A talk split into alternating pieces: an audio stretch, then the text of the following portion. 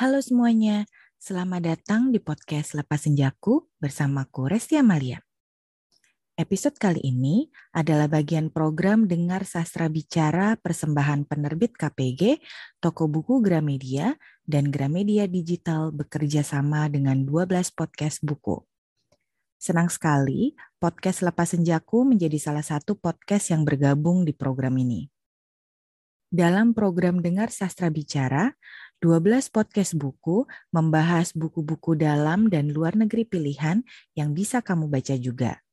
Di episode kali ini, aku akan membahas buku terbitan KPG yang berjudul Pulang, karya Leila S. Hudori. Buku ini pertama kali diterbitkan pada tahun 2012. Buku yang aku pegang ini adalah buku cetakan ke-17 dengan jumlah halaman 461 halaman. Novel ini menyajikan kisah keluarga, persahabatan, cinta, dan pengkhianatan berlatar tiga peristiwa bersejarah, yaitu peristiwa di Indonesia pada 30 September 1965, di Prancis pada Mei 1968, dan kerusuhan di Indonesia pada Mei 1998. Dua peristiwa di antaranya merupakan masa bersejarah bagi Indonesia. Peristiwa ini dihadirkan di novel ini dan menjadi gambaran kondisi sosial masyarakat Indonesia. Secara sederhana, kedua peristiwa tersebut dianggap sebagai awal dan akhir dari kekejaman rezim Soeharto saat menuntas PKI sampai ke akar-akarnya. Nah, jika kamu tertarik membaca novel dengan tema-tema sejarah, kamu bisa nih baca novel yang satu ini, teman-teman. Penulis menghadirkan cerita dan membongkar sejarah kelam yang dilupakan oleh pemerintah pasca peristiwa G30 SPKI, yaitu kehidupan para eksil politik yang tertahan di luar negeri. Di pembukaan novel ini, penulis menceritakan kisah para eksil politik yang menjadi pengelana di berbagai negara di Eropa yang berujung menetap di Prancis. Mereka melakukan ini sebagai konsekuensi dari eksklusi sosial totaliter rezim Soeharto. Mereka lebih memilih menjadi eksil ketimbang pulang ke Indonesia yang kemudian menjadi tahanan politik. Mereka hidup dalam ketidakpastian dan ketidaktenangan eksklusi sosial tertera dari pencabutan identitas keluarga negaraan mereka. Beralih ke masa revolusi Mei 1968, pemerintahan pada masa itu dipaksa untuk turun oleh gerakan mahasiswa dan buruh di Paris. Pada masa ini, kondisi yang terjadi membuat atmosfer sangatlah terbuka terhadap masalah apa pun, termasuk para eksil politik para eksil pun punya kesempatan untuk memperbaiki kehidupan di sana.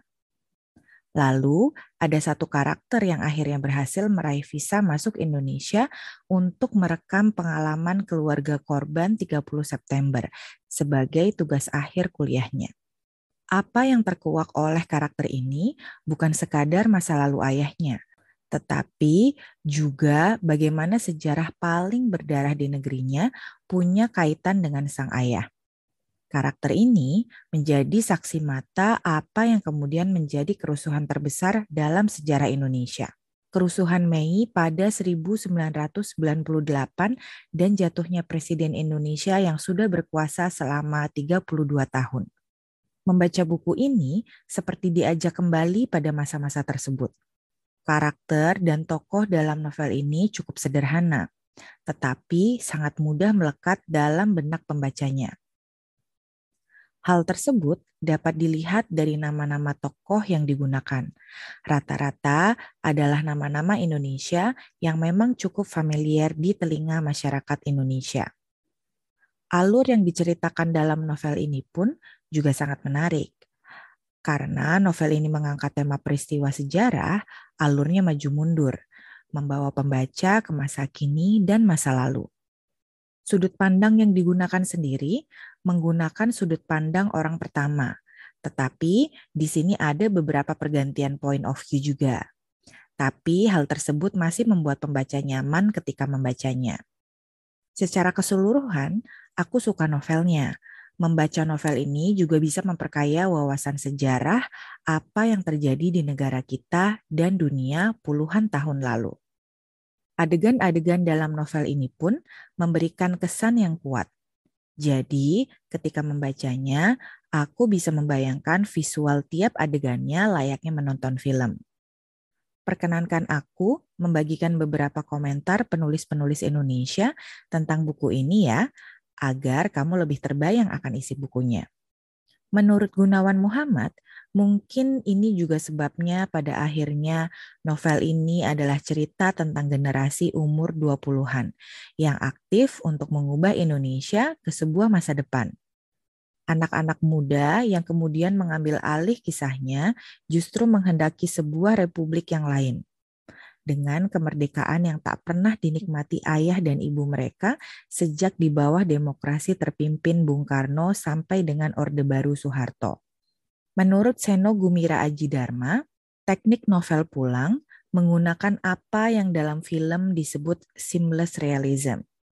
Artinya, jika dalam film, waktu menyaksikan film tidak terasa seperti menonton film, melainkan terasa berada di dalam suasana yang ditampilkan. Kalau dalam konteks membaca novel ini, artinya saat membaca terasa tidak sedang membaca, tetapi sedang berada di dalam situasi yang digambarkan novel. Aku pun mengalami apa yang dikatakan atau disampaikan Seno Gumira Aji Dharma.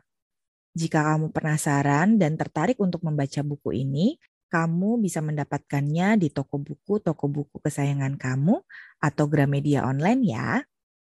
Jangan lupa untuk terus membeli dan membaca buku asli ya teman-teman. Karena dengan membeli dan membaca buku asli, itu berarti kamu memberikan dukungan kepada penulis, penerbit, dan industri buku untuk terus berkarya dan berkembang. Jangan lupa untuk mendengarkan review buku lain dari podcast buku yang bergabung di Dengar Sastra Bicara di siapabilang.com atau Spotify kamu bisa gunakan hashtag dengar sastra bicara untuk menemukannya. Terima kasih sudah mendengarkan dan sampai jumpa.